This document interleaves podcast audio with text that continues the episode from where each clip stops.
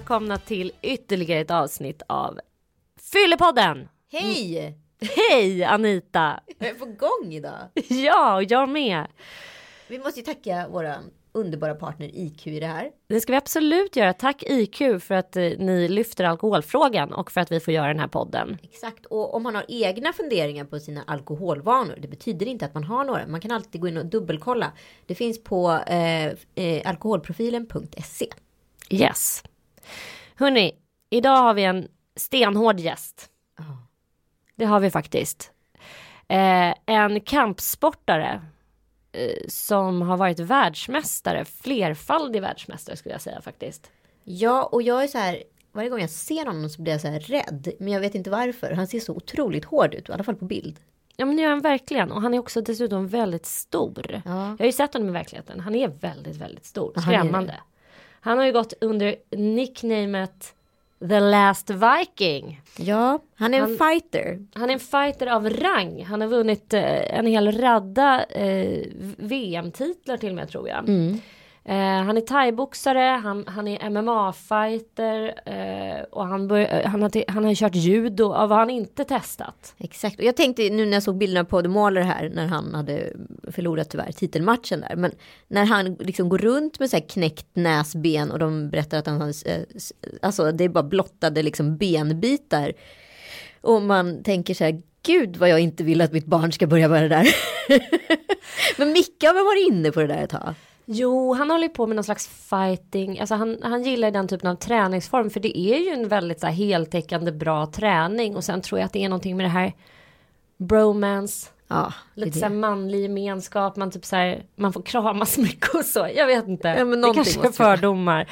Jag har ju aldrig själv testat liksom. Men jag kanske också ska bli helt hooked. Det är möjligt. Jag tycker det verkar vara ett ypperligt tillfälle att bli av med aggressioner i alla fall. Ja men absolut. Jag har inte heller superkoll på den här branschen så det ska bli ganska intressant att träffa våran gäst och höra vad, vad han har att säga om han kan eh, alltså, upplysa oss om någonting kanske.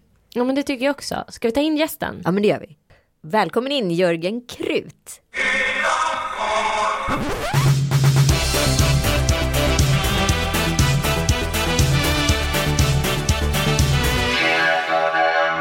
Varmt välkommen Jörgen Krut. Tack. Du ser ut att vara typ världens starkaste man.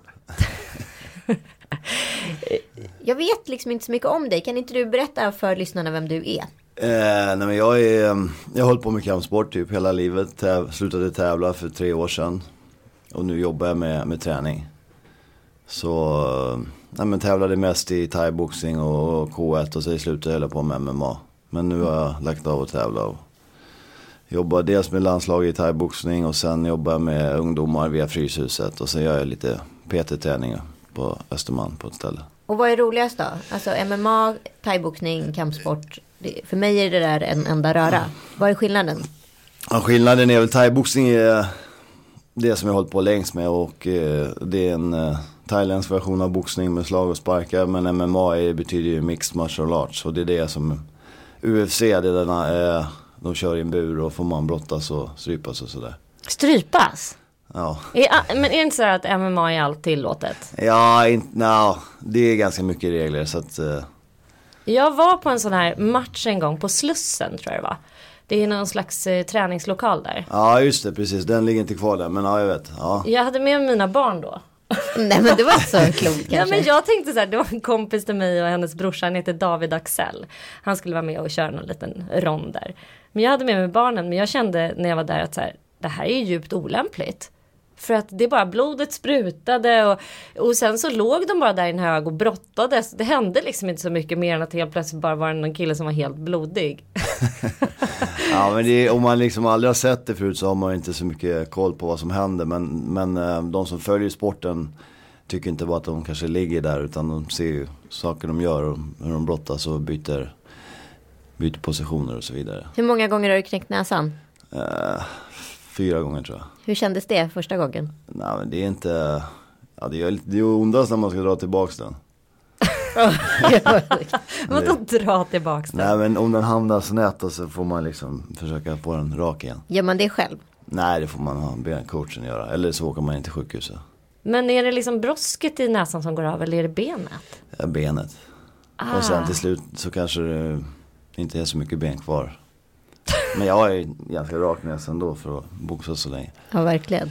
Men det här med skadebilden, nu låter jag väldigt brudig, det märker jag. Men det är den som jag tänker på väldigt mycket när det kommer till kampsport. Jag har en kompis är kampsportare eh, och framförallt thaiboxning och han, eh, han är ju blå hela tiden. Hur är det att alltid gå runt och vara skadad? Nej men så är det inte. Alltså, det, efter en match så är det klart att man får lite blå eh, märken på, på benen och lite sådär. Men eh, man tävlar ju inte hela tiden och när man tränar så har man ju boxningshandskar och benskydd och sådana grejer på sig. Men det handlar ju väldigt mycket om smärta ändå inbillar jag mig. Att man någonstans är konstant, både i sin träning och tävling, är utsatt för en hell of a lot of smärta på något sätt. Vad, vad, vad är det man gillar med det? Ja det var en bra fråga. Men, men eh, jag ser inte så att man hela tiden har ont. Utan det är liksom, det är en sport som alla andra och det är liksom man, eh, man vill vinna. Och just när man är i, eh, i ringen då. Så tänker man inte, eller man känner liksom inte smärtor på så sätt. Det är klart att det gör lite ont efteråt men eh, det finns många sporter som man har ont liksom. Men du har en femåring hemma, skulle du vilja att eh, han börjar med kampsport? Ja, han fyller sju snart. Oj, nästa förlåt. vecka. Wow. Tiden går snabbt. Ja, ja, han håller på med judo. Han gör det? Det började jag också med när jag var liten så det var, det är bra. Ja, men kan vi inte backa bandet? Ja. Berätta, hur började din kampsportskarriär? När började du? Jag började när jag var sju år med judo. När jag skulle börja första klass och ville kunna försvara mig, brottas lite i skolan. Vadå, var det något speciellt som hade hänt eller? Nej men det var, det, man kom massa andra barn liksom och sådär. Så, så det tyckte jag var en bra grej, börja med judo. Så, så höll jag på med det ett tag och eh, sen gick jag, gick jag över till jujutsu och sen, eh, sen ville jag kunna sparka så häftigt som de gjorde i alla filmer. Så då började jag med taekwondo. Och så tävlade jag lite grann i taekwondo och sen efter det så, så började jag med thaiboxning. Och så fastnade jag vid det. Vad är det som är så härligt med thaiboxning jämfört med det du redan har provat? Um, jag kom väl till en bra klubb där jag trivdes och trä- träffade kompisar och sådär. Men sen var det mycket runt omkring thaiboxningen. Sen som redan när jag började åka till Thailand och sådär var ju hela den här med buddhistiska grejen och de kör sin, eh, de dans, gör en dans innan någon match och det är liksom, Ja, det är mycket kopplat med det inre. ja precis. Är det det? Berätta. Det tycker jag låter spännande. Jag är väldigt andlig och flummig faktiskt. En dold sida av mig. Men jag gillar sånt. Det tycker jag gav kampsport en liten ytterligare en dimension. Som jag gillade. Berätta, vad då? Dans? Nej men i thaiboxning alltså, de, man gör ju inte det kanske alltid i Sverige och Europa, inte Europa heller men just i Thailand så är det ju, de gör någonting som heter ramwai innan, innan de går match och det är, de liksom, de är ju buddister de flesta och det är en grej för att de ska ly- lyckas få med sig andarna eller vad heter det? Spiriten in, i- in i ringen. Så då gör de som en dans innan. Och det blir också som en uppvärmning. Eh, och de känner på repen, känner på golvet och liksom innan matchen börjar. Och hur långt du, du var i Thailand ganska många år. Ja, jag åkte väl, eh, var väl mer i Thailand än i Sverige under ganska många år. 15-20 år kanske. Har du kvar någon, har du någon koppling dit idag? Eller? Ja, jag var där i, i februari senast Ja. med min son. Så var vi där och tränade. Ja, vad kul. Ja, Men du kallades ju för the last viking. ja precis. Det kom när jag tävlade i Japan för att eh, då var jag från Sverige och så Så var vi i Japan så sa de att du måste ha ett ring name och du är från Sverige så du får bli the Viking. Men sen stod det i tidningarna dagen efter så stod det the last Viking så då blev det. Så det var ingenting vi hittade på utan de sa bara du ska bli the Viking och sen Ja sen stod det så the last Viking dagen efter någon tidning och så fastnade det namnet. Du skulle ju lätt platsa i serien The Vikings. ja, utan tvekan. Utan Ja, den tvekan. är bra. Har du provat? Ja, Visst är den bra? Ja den är riktigt bra. Ja, jag älskar den också. Ja. Jag bara längtar tills nästa säsong här. Där sitter och bara trummar. Den ska ju komma nu. Ja, men du, vad har du för, eh, vad är det för liksom egenskaper man behöver för att vara en bra kampsportare? Ja men ehm, Ja man måste vara målmedveten, målmedveten och eh, alltså man måste gilla att träna liksom. Jag tror det är samma som i alla idrotter. Alltså den, talangen måste vara, dels måste man ha lite talang men den bästa talangen är väl att man aldrig ger upp och fortsätter träna hela tiden. Trots att det liksom går dåligt ibland. Jag Man läste, bara en, fortsätter, driv framåt. ja, men jag läste en intervju med dig där du beskrev dig själv som att du var extremt långsint. Att du mådde dåligt i åtta månader efter att du hade förlorat mot en kille. Ja det stämmer. Är du så i privatlivet också? Eh, Nja, jag är nog lite långsint tror jag. Men eh, alltså när, när, när jag förlorade en match så blev jag utslagen, alltså knockad. Och det är ju det största förnedringen man kan få nästan i, i den sporten jag håller på med. Alltså förlora på poäng är en annan sak. Och så det var svårt att Hämtas glömma bort det liksom. Jag, jag fick en returmatch och så vann jag mot samma kille typ åt, åtta månader senare. Och då, då kändes det mycket bättre. Men vad hände med dig under de här åtta månaderna? Det är det som är så Men jag använde det, så det var en jättebra drivkraft för mig och liksom Första veckorna var ju lite jobbigt men sen var det som en drivkraft att träna och liksom man hade Det var mycket lättare att träna. Man hade liksom det där i bakhuvudet hela tiden som gjorde att man När man tänker, "Ja, idag mår jag inte så bra. Jo, jag tränar ändå.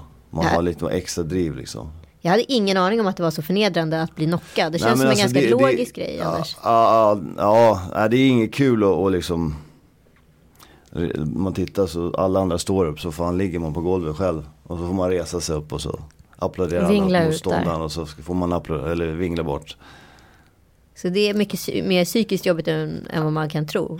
Ja, men det det- ja det är absolut. Men jag tänkte på, vad heter han, Alexander The Mauler. de Måler. Hur, hur må- mår han nu då? För nu förlorar han po- poäng den här gången.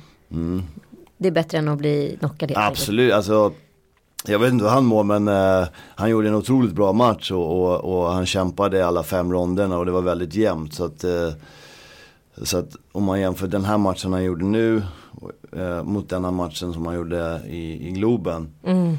Så är det en jävla skillnad.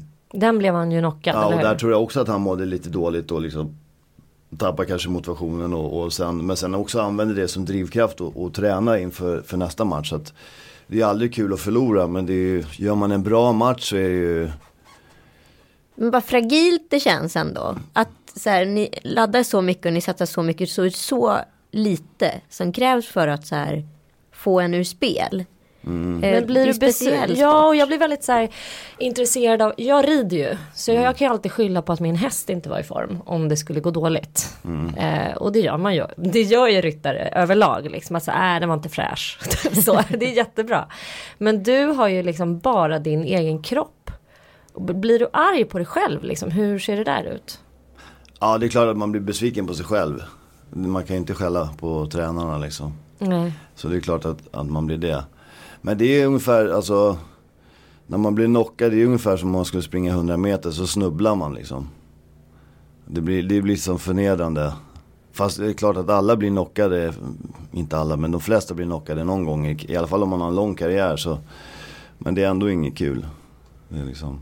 Men jag tänker på det, det så här sociala runt omkring. Eh, Jag får i alla fall en bild av att man måste vara ganska så här fokuserad hela tiden och vara ett med sporten när man är ett proffs. Absolut. Hur, hur, har du haft relationer, har du kunnat haft barn under tiden? Alltså för allting, jag tänker på så här småbarn som stör nattsömnen. Allt det där måste ju vara panikartat ifall man har en titelmatch liksom framför sig.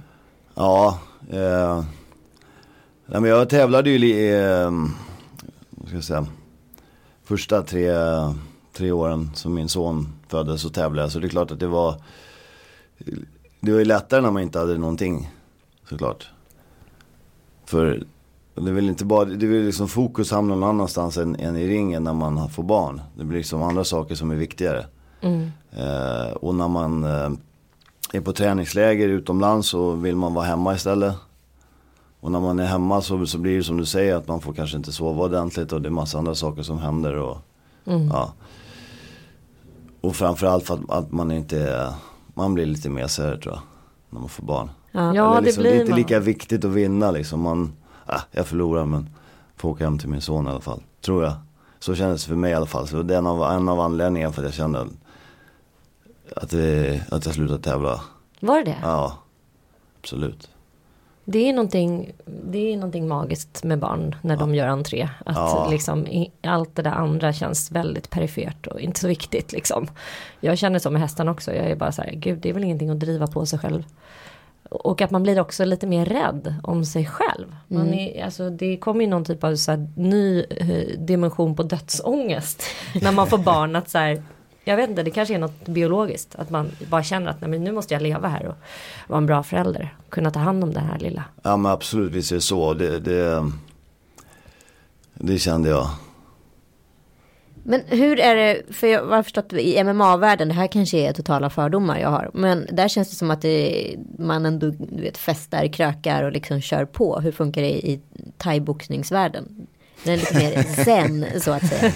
Nej, men alltså MMA eller thaiboxning, det är precis som alla andra sporter tror jag. Att eh, det fungerar ju inte att, att dricka och sådär och köra på. Eller vad du sa. Men jag har ändå så här, jag har gjort en spaning. Det här kanske är helt byggt på fördomar. Men jag tänker så här i, jag, jag var och gjorde Fångarna på fortet. Och träffade ju såklart Gunde Svan. Han är ju helt nykter. Han har ju aldrig testat alkohol. När de hade mittfest där, då firade han med en Coca-Cola. Det tyckte han var så jättestort att han drack en Coca-Cola och festade till det ordentligt. I övrigt så startade han varje morgon där med att köra så här rullskidor i två timmar typ. Och att det känns som att de här längdskidåkarna, där är det fullständigt otänkbart att de skulle liksom dricka en bärs. Men då tänker jag lite mer på så här thaibox och, och fightingvärlden, att det är lite mer högt i tak där. Höjdhopparna också. De, där, där dricker man gärna ett glas. Inga konstigheter. Ja, men det, jag har också gjort, eh, varit på fest med Gunde Svan uppe i Åre en gång och då festade han också till med två cola. Så att, eh, men det är också Och inte som i kokain ska vi understryka. nej, Coca-Cola. Coca-Cola. Men ehm, jag tror det är olika där också om man kollar på, uh, ja, vad han, han norrmannen, vad heter han? Ja, just det. han. Northug ja, precis. Han, nu vet inte jag om han dricker alkohol men han är ju lite annorlunda mot alla andra skidåkare. Jo, han sån dricker här- ju alkohol. Han åkte ju faktiskt fast för en rattfylla. Ja just det, precis. Så då måste han ha druckit. Så, att, så att det tror jag är lite olika från person till person. För Gunde Svan är ju väldigt sådär äh, träning och, och inga alkohol eller någonting annat. Men, men, Men hur firar ni segrar i, i liksom, om du har vunnit en titelmatch? Hur går du ut och firar då? Liksom? Ja det gjorde jag, Ja. absolut. Gjorde? Ja, Jag tävlar inte längre. Nej, nej, precis. att, men eh, du dricker alkohol? ja. Ja. Men det är olika bland kampsportare också. Jag tror inte att alla kampsportare dricker. Och alla, ingen skidåkare dricker. Utan jag tror det beror på vilken person det är liksom. Och hur funkar alkohol på dig? Alltså vad får det för effekter? Jag blir onykter om jag dricker. Nej men jag tänker, alltså här, jag sitter och pratar väldigt mycket utifrån fördomar nu. Ja. Så jag tänker att jag kör på här så får Ja, du säga att jag har absolut. fel. Eh, men jag tänker att så här, många gånger kanske liksom de här testosteron man har i kroppen efter en Så match. jag, jag, jag brukar inte börja boxas Du gör inte det, krogen, nej. Nej. Nej. nej. men alltså. Nu för tiden så dricker, dricker jag väldigt sällan. Men eh, när man var yngre så hände det ju kanske oftare. Men eh, det blir mer att man blir trött efter ett tag. Nu. Nu. åker hem, ja nu är det så. Men alkohol och våld, det har gjorts jättemycket studier som visar att alkohol förstärker liksom, våldsamhet hos människor. Hur eh, har det sett ut för dig? Nej men så har det inte sett ut för mig men jag håller med, det stämmer och jag har jobbat som dörrvakt i ganska många år. På massa olika ställen så att eh, jag vet att eh, eh, nyktra människor eh, som är jättetrevliga sen dricker de alkohol så blir de idioter. Det är det liksom, så är det. Inte alla men väldigt många. Gör saker som de aldrig skulle göra när de var nyktra så, så Tävlade du under tiden du stod eh, som dörrvakt? ja. Kunde det vara så att folk kände igen dig och ville liksom mucka Mm. lite? ja, det kunde vara att de kände igen mig, men nej, det blev inte. Då. Extra, inget bråk på grund av det. Men är det många som vill, som tänker att de vill utmana dig? Bara sådär. Man vet att så här, men gud, honom skulle man, att det är så här äggande på något sätt. Att kunna slå ner Jörgen Krut. Nej, jag har faktiskt aldrig varit med om det, förutom i ringen då klart. När man har, som jag blev världsmästare i thaiboxning och, och då är det klart att alla vill möta mig för att de vill ha bältet liksom. Just det. Precis som, ehm, men alltså inte utanför ringen har jag aldrig känt det. Faktiskt. Det kanske är en av fördelarna, att folk inte vågar. Jag vet inte om de inte vågar eller vad det är, men jag, jag har inte varit med om det faktiskt. Att jag blivit utmanad av någon på, på gatan så här eller när man jobbar till dörren eller något.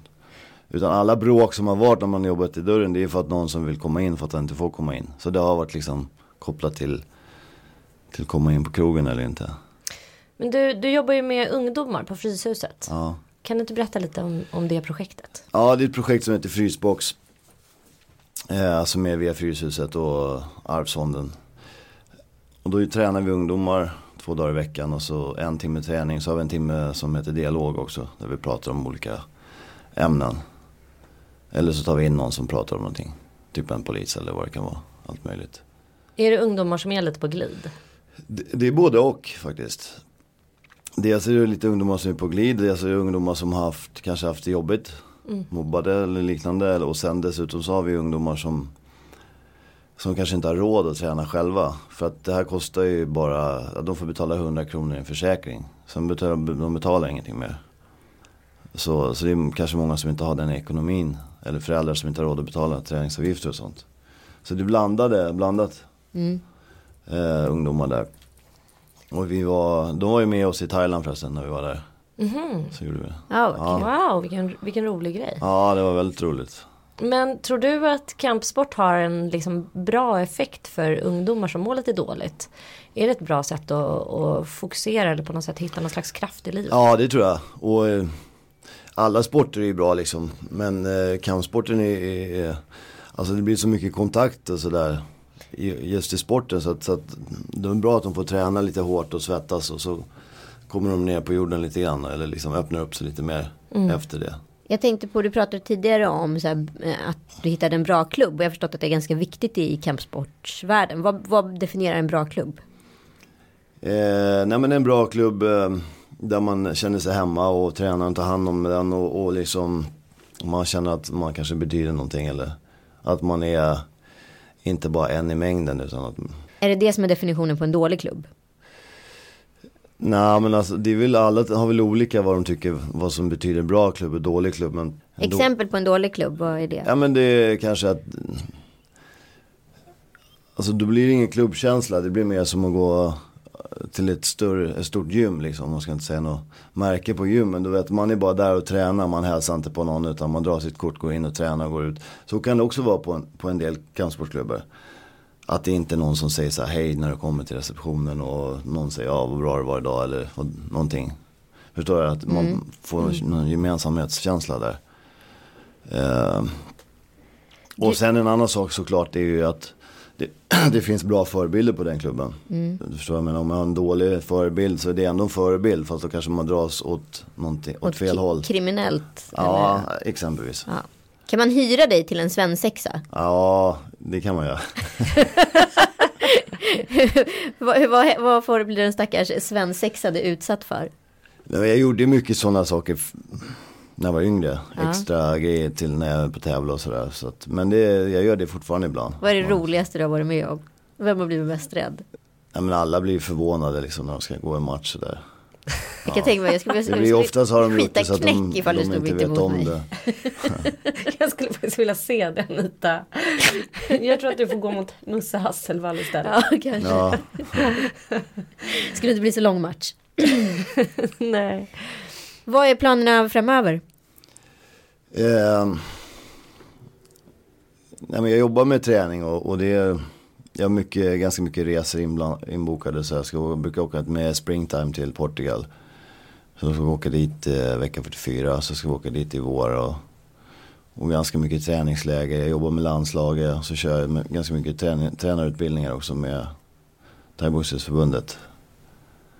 Det känns som att du har klarat den här övergången mellan eh, att vara aktiv så att säga i sporten, tävla, till att eh, gå ur och sluta tävla. Eh, man har ju läst en hel del om framförallt fotbollsstjärnor som bara totalt deppar ihop efter sin karriär. Att de inte liksom har något liv efteråt. Och väldigt, väldigt många börjar dricka för mycket. Det är så här supervanligt. Men hur, vad tror du har varit receptet för dig att du bara så här har kunnat klara den här övergången så bra?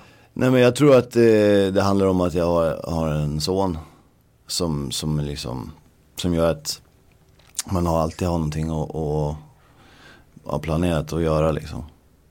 Har du honom hela tiden? Nej, nej, vi har dem till varannan vecka så men, men eh, man ska skjutsa till träningar och allt, allt möjligt sånt där. Så att, Var sonen planerad? nej. Berätta om hur det var när du fick reda på det. Först kändes det liksom, var mitt i karriären och så här. Det var, kändes så här, ska jag få barn nu? Det var liksom inte planerat. Och vad hände sen då? Men sen blev det, jätte, sen blev det liksom, Hur var det med förlossning och allting? Blev man liksom religiös eller på att säga?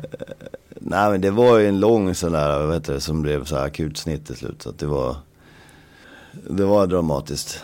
Fast det är för alla, tror jag.